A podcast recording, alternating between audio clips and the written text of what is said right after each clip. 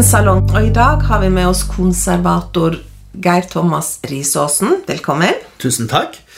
Veldig hyggelig du kunne komme og være gjest her i dag. Du vet, Det er alltid hyggelig å være i Ibsens salonger. Og det er jo flott leilighet som han hadde her i Oslo, i Arbins gate. Og som nærmeste nabo til Slottet, til og med.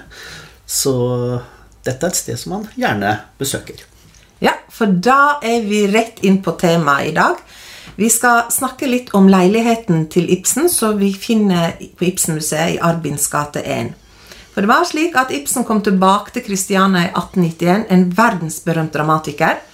Han hadde skrevet et dukkehjem allerede i 1879, og teaterdørene slo opp over hele Europa og Amerika. Og så, etter en tur nordover, så har han bestemt seg for å flytte hjem. Og det var jo en stor overraskelse for alle, for Ibsen hadde jo sine tanker om det norske folk. Og, men den norske naturen og folkekulturen sto jo nærme. Men han kom tilbake til Kristiania, bodde en kort stund på Grand Hotel før han flytta til Victoria terrasse. Og da skal vi huske på at Victoria terrasse på den tida, det var jo Kristianias, altså som byen het, Kristianias mest fasjonable leiegård. Og dette her var det jo store leiligheter på opptil 14 værelser. Og det var jo duft av den store verden. Og husk også på at Ibsen hadde jo da levd i utlendighet i 27 år. Og den byen han forlot, var på ingen måte den byen han vendte tilbake til. For Kristiania hadde jo mer enn tredoble sitt innbyggertall fra 1865 til 1890. Så det var jo en enorm ekspansjon, og det må ha vært utrolig spennende å vært her på den tida, fordi at leiegårda de skjøt jo opp som paddehatter overalt, og by, det kom til nye bydeler uavlatelig. Og det er på en måte en av de moderne leilighetene som da han flytter inn i. Og Victoria Terrasse var som sagt den aller største. Men Susanna var, trivdes ikke så godt der, og annet så klager over trekken i de lange korridorene i leiligheta. Så, lange, kolde Lange, kolde korridorer, ja. ja. Så allerede to år etterpå, i 93, så flytter han da inn i den nye leiligheta i Arbens gate. Eh, kanskje 95? 95 kanskje det var, ja. ja.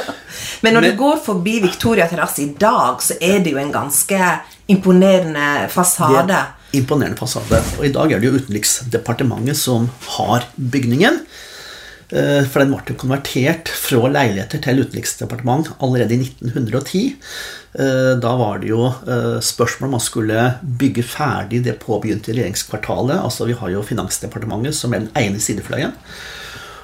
Og i stedet, da for å spare penger, så tar man da kjøper leiegården Victoria Trasse og bygger om til kontorer. Men det er en annen historie. Det er en annen historie. Men veit Veit vi noe om hvem som bodde på Victoria-terrassen når Ibsen bodde der? Ja da, men det er ikke så, kanskje ikke så mange navn som vi som den vanlige lytter i dag eh, tenker på. Men det var, jo, det var jo virkelig et sosietetssted. Men eh, den leiligheten han flytter inn i da i 1895, det er jo i en nybygd gård og er en veldig god representant for nettopp det, de nye leiegårdene som skyter opp her i byen. Og det er jo ingen dårlig leilighet. altså En ting er beliggenheten med Slottet som nærmeste nabo. Så det er en dyr adresse. Men det er også leilighet på 350 kvadrat. Og det er klart at det er mange av oss i dag som kunne ønske oss det, men den tida er forbi. Så, så, det er jo liksom av de store borgerlige leilighetene. Og det er også veldig spennende når du ser på det hjemmet som han og Susanna etablerer her, fordi at det er på en måte et det er jo et veldig spennende tidsbilde, og for oss i dag som besøker det, så er det jo også et tidsbilde i forhold til hvordan de fleste av byens leiegårder så ut innvendig på den tida. Selvfølgelig har det variert. i forhold til altså De rikeste har hatt større rom og flere rom og mer påkostede rom og et rikere innbo, men allikevel, idealet, det var jo likt. Så det vi ser her, er jo veldig mye det som Altså hele Frogner som bydel så jo i stor grad slik ut innvendig. Og så har du jo disse bygårdene på andre sida av byen òg, ikke sant. Og det som var felles, var jo det der høyt under taket, Ja. ikke sant. Og det har jo med at man har begynt å tenke hygiene. Så det er liksom, dette er jo også en tid hvor tuberkulose og den slags er et uh, samfunnsproblem. Så de høyloftede rommene var jo også en del av hygienetenkingen. Og i tillegg så var det jo Altså det gir jo et staselig inntrykk når du kommer inn i en leilighet på tre meter under taket eller mer. Så, så det er klart. Eh, Men det som også er spennende, er jo at eh, dette her er jo den perioden som vi kaller historismen, altså i forhold til stilhistorie. Og den tida som da er prega av Vi bruker ofte stikkord, som plysj, palmer, pomponger. Og det er jo relativt overdådige og i mange smak overlessede interiører. Men det var jo også et bilde på tidas materielle rikdom som da kommer til uttrykk.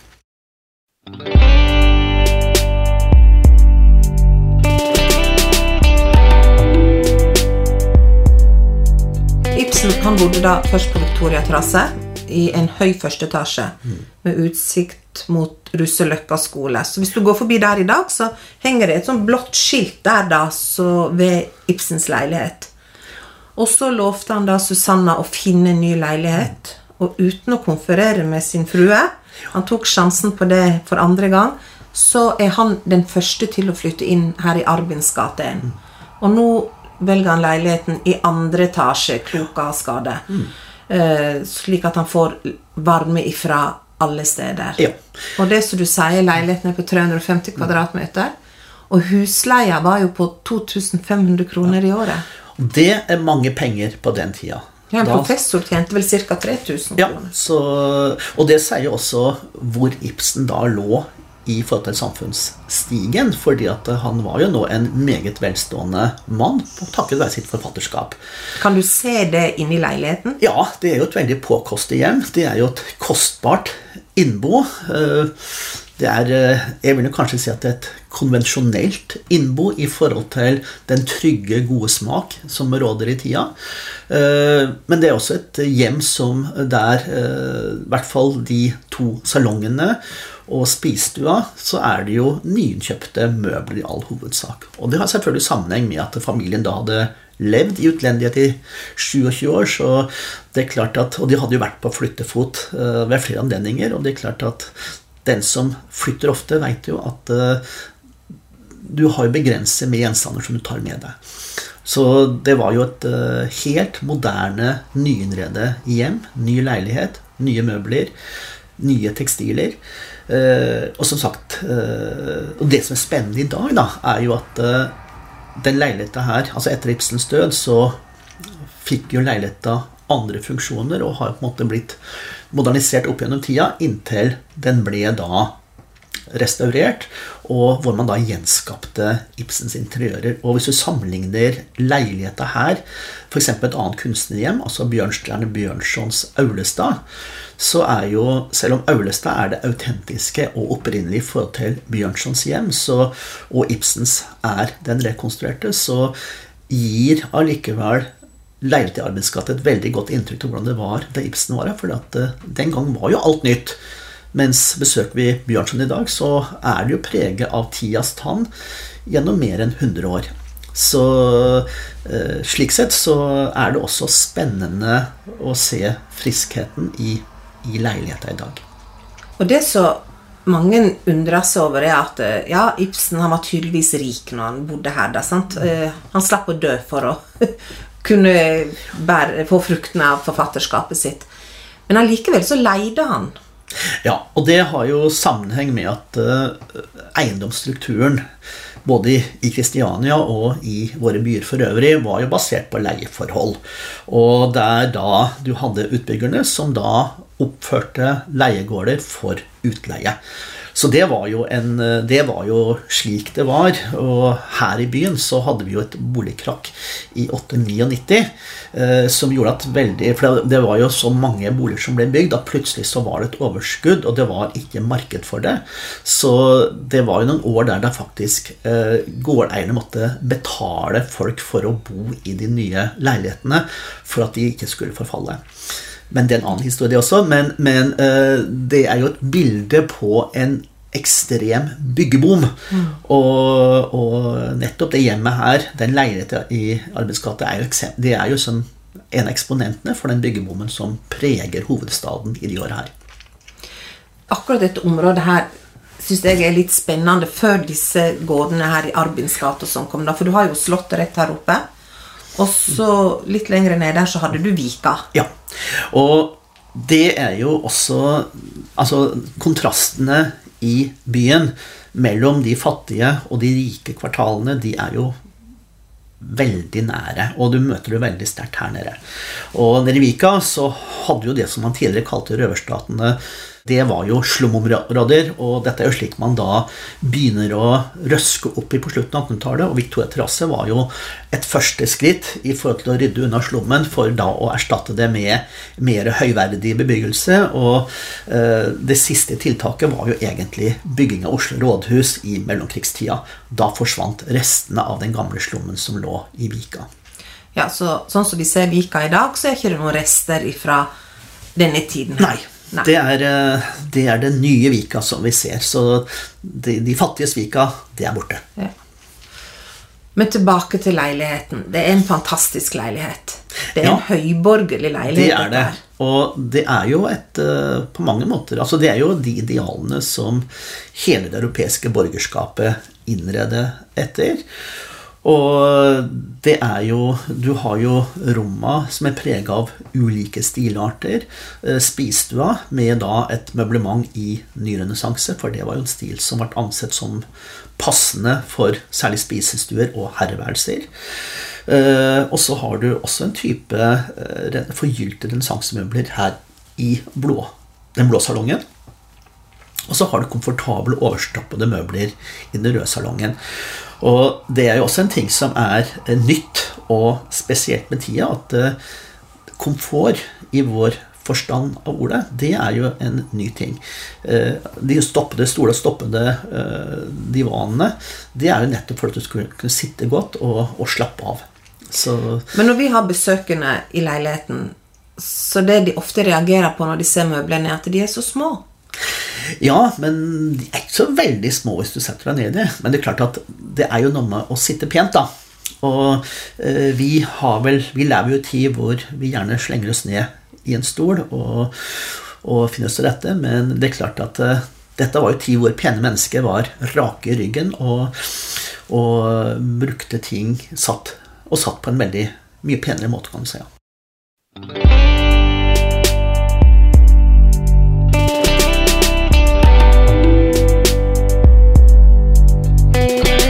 Har vi jo eh, arbeidsværelset til Ibsen. Ja. Og Ibsen, det var vel den eh, det var vel det han var mest fornøyd med mm. i leiligheten. Det var arbeidsværelset. For det var inngang fra entré rett inn i arbeidsværelset. Eh, og der tok han med seg besøkende. De slapp å gå inn i salongene og forstyrre Susanna. da. Og det er jo diamanten vår. Ja, og det er jo det, er jo det mest autentiske rommet, altså mest opprinnelige. fordi at eh, Ibsen dør jo før Susanne, og da hun dør i 1913, så var det jo sønnens ønske at dette skulle bli et museum, så han tilbød jo da Oslo kommune, eller Kristiansen da het, eh, å ta over. Men det var jo ingen som var interessert i et eh, museum på den måten den gangen.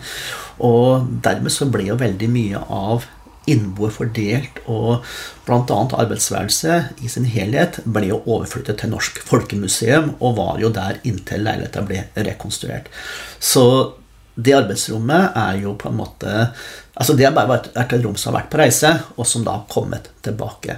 Men det er jo også det mest personlige rommet, fordi uh, der har du jo alle de små eh, personlige tinga som Ibsen har satt pris på.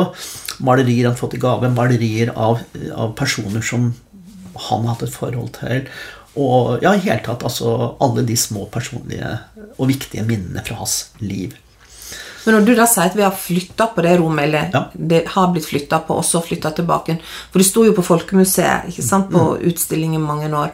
Eh, så er det allikevel originalt. Ja, da, det er det. Og, for tak og vegger og alt ble jo flytta. Ja, altså, altså Overflatene er, eh, det er rekonstruksjoner, men rommet er nå tilbake i det rommet som det var. Så det er jo på en måte innbo løsøre og uh, overflaten som er rekonstruert i forhold til det som har vært her, som vi står overfor. Uh, så nærmere originalen, det vi ikke. Forskjellen er at Ibsen har ikke tatt på akkurat de malte veggflatene. Det, men, men, som sagt, det er, det er jo som du særlig, det, er diamanten i leiligheta, og den mest personlige delen. Men det er også spennende når du går gjennom leiligheta, fordi at uh, mens uh, arbeidsværelse på mange måter også kan ses på som en minnebok over hans liv, uh, så har du da de to salongene og spisestua, som er to veldig representative rom, og som egentlig sier veldig lite om et levd liv. For jeg mener både Ibsen og Susanna er jo meget voksne når de flytter hit. Eh, men når du kommer da inn i leiligheta til eh, de respektive soverom og den type ting, så er det jo mye mer nøkternt. Og der er det jo ikke nyinnkjøpte møbler på samme måte som i da de to salongene spiste, og som på en måte er ment for representasjon.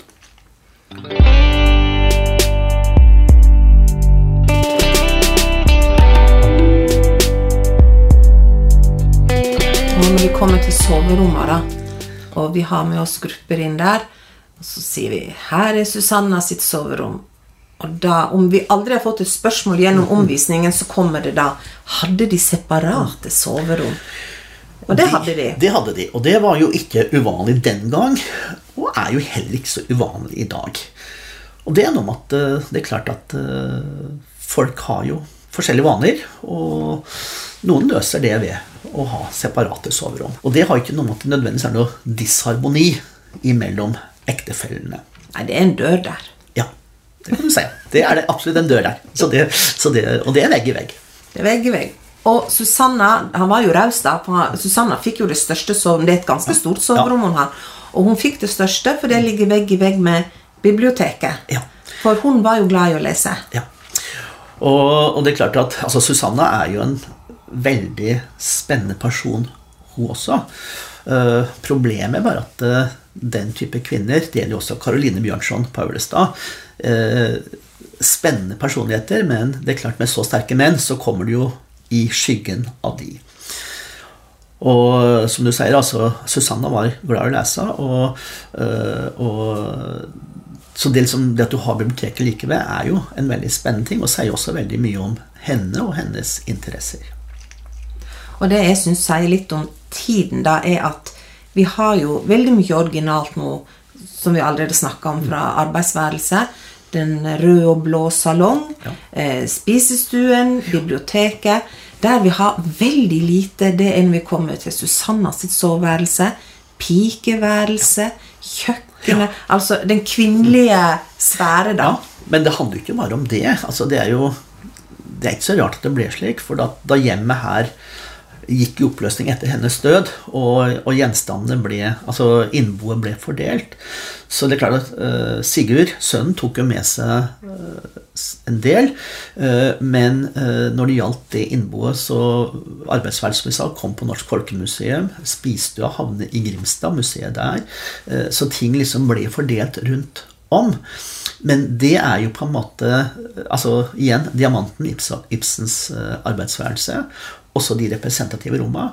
Men jeg mener, hvilken, hvilken, interesse hadde Susannas soverom, som tilhørte intimsfæren, eller kjøkken-pikeværelset? Det var jo relativt irrelevant i forhold til bevaringsaspektet i 1913. I forhold til hva som var viktig her. For i dag så ville vi ha tatt vare på det? I dag har vi tatt vare på det. For i dag så er jo det en helt vesentlig del av totaliteten. Og jeg mener, Ibsen ville aldri kunne bo her i Arbeids gate uten at du hadde kjøkken. Og kjøkkenet ville aldri ha fungert uten at du hadde en pike som gjorde jobben på baksida. Så det er jo en totalitet i et hjem som det her eh, som gjør det veldig spennende. Og det hører jo også med til historien at vi har ikke så veldig mange hjem bevart fra den perioden. Ikke på den måten. Eh, danskene er stolte av det de kaller sitt klunkehjem, som er en parallell leilighet fra 1895. Eh, Hvorfor heter det klunkehjem? Det er for danskene omtaler den stilperioden her. altså Vi kaller det historisme, for det er en gjenopptakelse av tidligere historiske stilarter. Men det er også en tid med en tekstil overflod, og der du bruker Altså det er plysj, palmer, pomponger, og pomponger på dansk, det er klunker. Så hvis du skal ha oversatt klunkent norsk, så vil det være pongponghjemmet. Og pongponger har vi i leiligheten. Det har vi i leiligheten. Så det ser vi på både portierer og gardiner her. Så det er eh, veldig moderne i tida.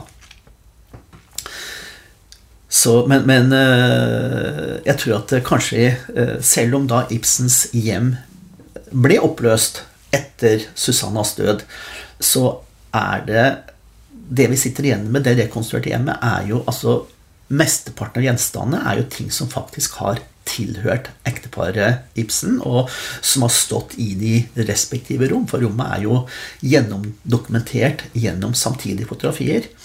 Eh, men en kvalitet som vi allikevel har fått gjennom å rekonstruere, at det, eh, det viser jo det nye høymoderne hjemmet som de flytter inn i 1895.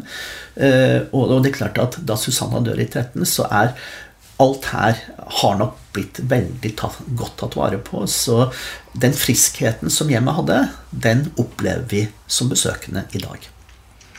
For når vi nå har restaurert leiligheten, eller tilbakeført den, da, så uh, har vi jo også brukt branntakstene. Ja.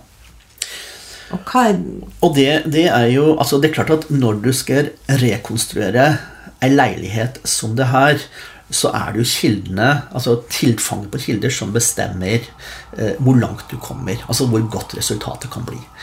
Eh, for hvis ikke du har kildene, så er det på en måte kvalifisert gjetning som blir alternativet. Og, men her har vi, fordi at det var Ibsen Altså Selvfølgelig er det derfor også at hjemmet er rekonstruert, men eh, vi har et veldig rikt kildemateriale. Både da eh, fotografiene som jeg nevnte, eh, branntaksten som du er inne på, som forteller hvordan liksom gården, altså leilighetens beskaffenhet i forhold til med, med teknisk, altså hva den hadde av tekniske installasjoner, altså hva som var de verdifulle nyvinningene her. Eh, og vi har jo Ibsens brever, ikke minst. Så, øh, men, men, igjen så er jo problemet at øh, kildematerialet er rikt i forhold til deler av leiligheta, og da snakker vi om den representative delen.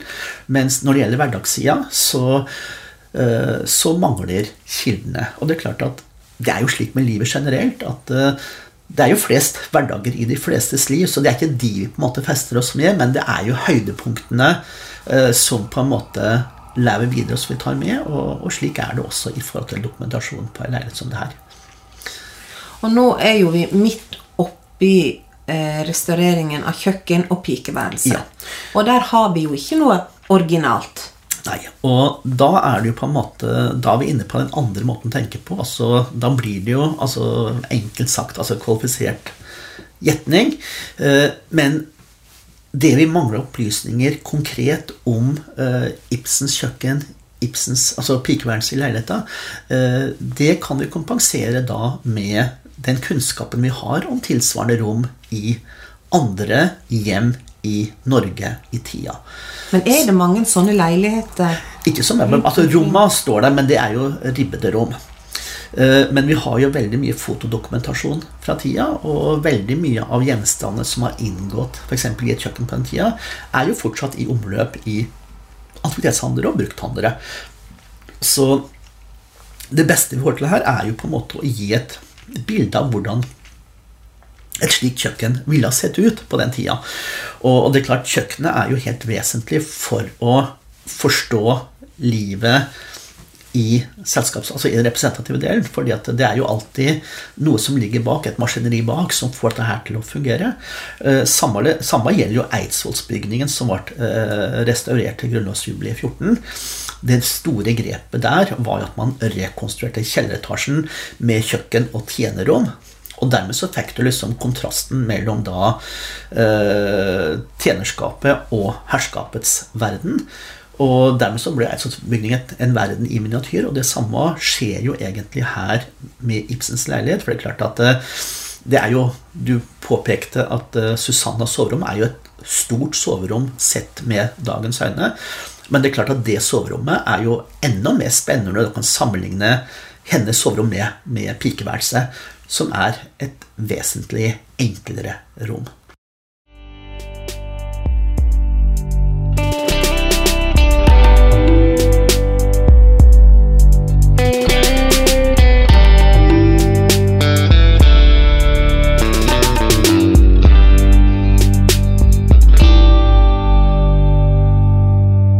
Noen ganger når vi holder på det, da, da blir det kanskje litt nær dette, men av og til så blir det jo litt sånn julaften og nyttårsaften og alt på en gang. For på kjøkkenet så har vi altså klart å få en ovn ifra denne tiden her. Ja. Og hva er sjansen for det? Som står i en naboleilighet lenger ned i Arvids gate. det er klart at det er minimale sjanser å få tak i noe slikt nå. For at dette her er en veldig spesiell ovn. Eh, altså Den var ikke så spesiell samtida, men det er jo Altså, ovnen eh, tar jo plass på et kjøkken og skiftes jo i tråd med skiftende teknologi. Dette her er jo en, eh, en eh, kull- og vedovn. Mens eh, sant, i dag så er det jo moderne elektriske komfyrer som har tatt over. Så at den har fått lov å stå helt fram til nylig, og at vi har kunnet ta over, det er jo helt unikt.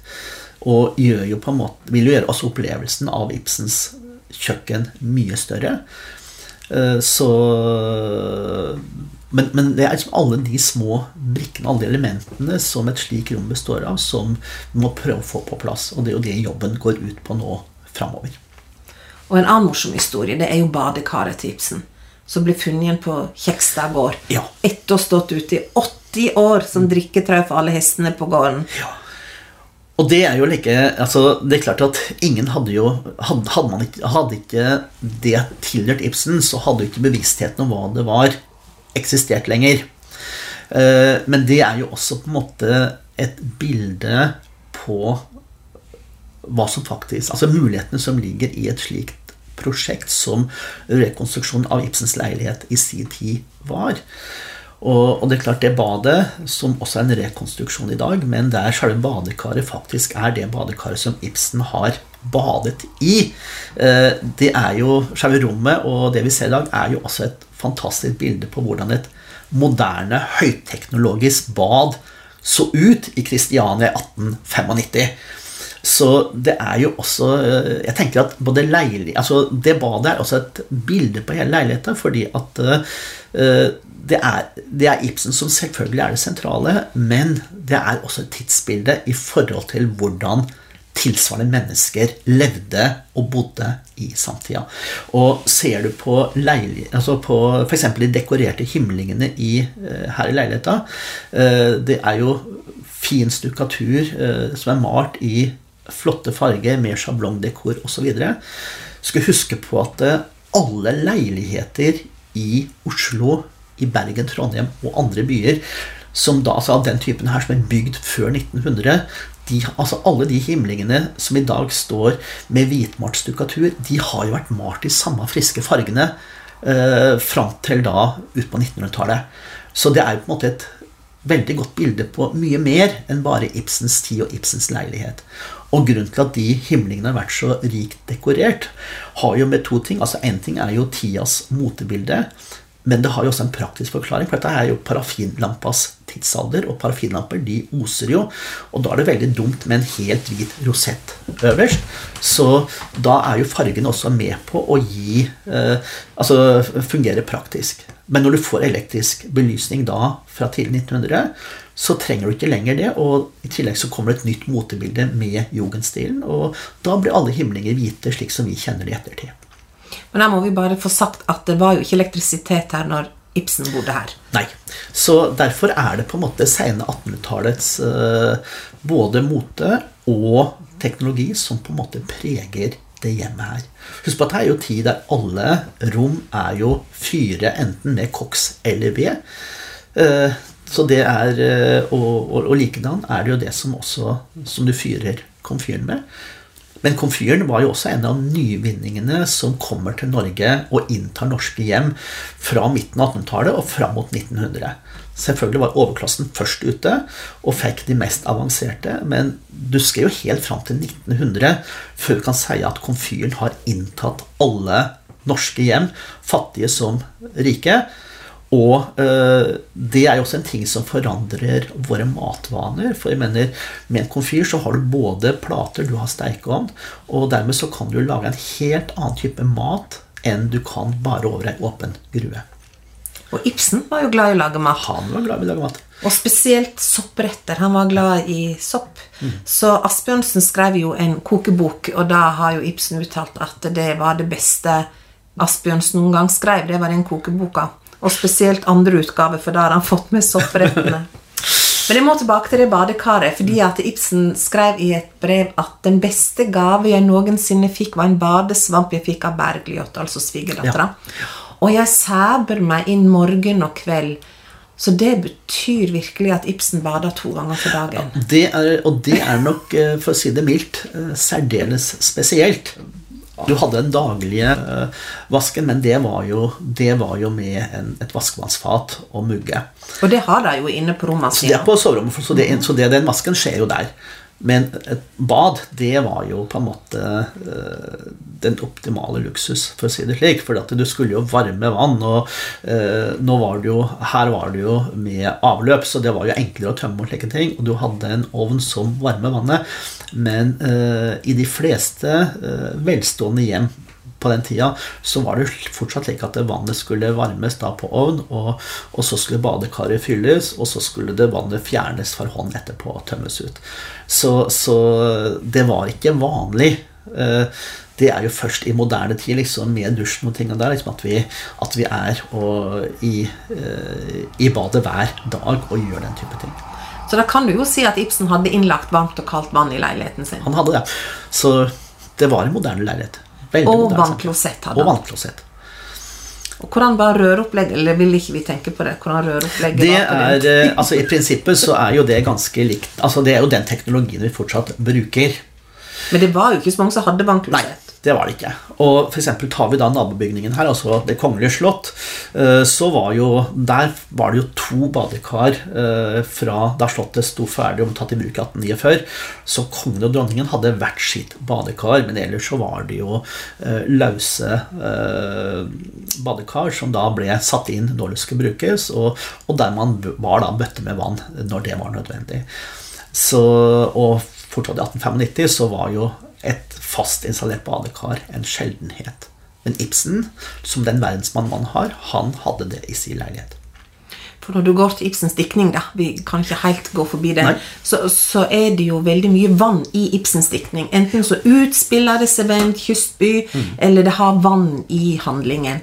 Eh, Så vann var jo veldig viktig for Ibsen, og han skriver jo om at han er og bader når han er i Italia, så han var jo veldig glad i vann. Ja. Hvis du skulle trekke fram et Ibsen-stykke, hva ville du ha valgt da?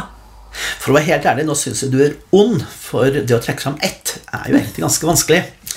Uh, og som så mange andre så har jeg, jeg har jo et sterkt forhold til uh, dukkehjemmet, men uh, jeg tenker også Villanden. og, og det er klart at der har jeg liksom barndomsbilder fra fjernsynsteatret, og hva fjernsynsteatret betydde i forhold til formidlingen av Ibsen. Og for ikke å snakke om eh, Jon Gabriel Borkmann.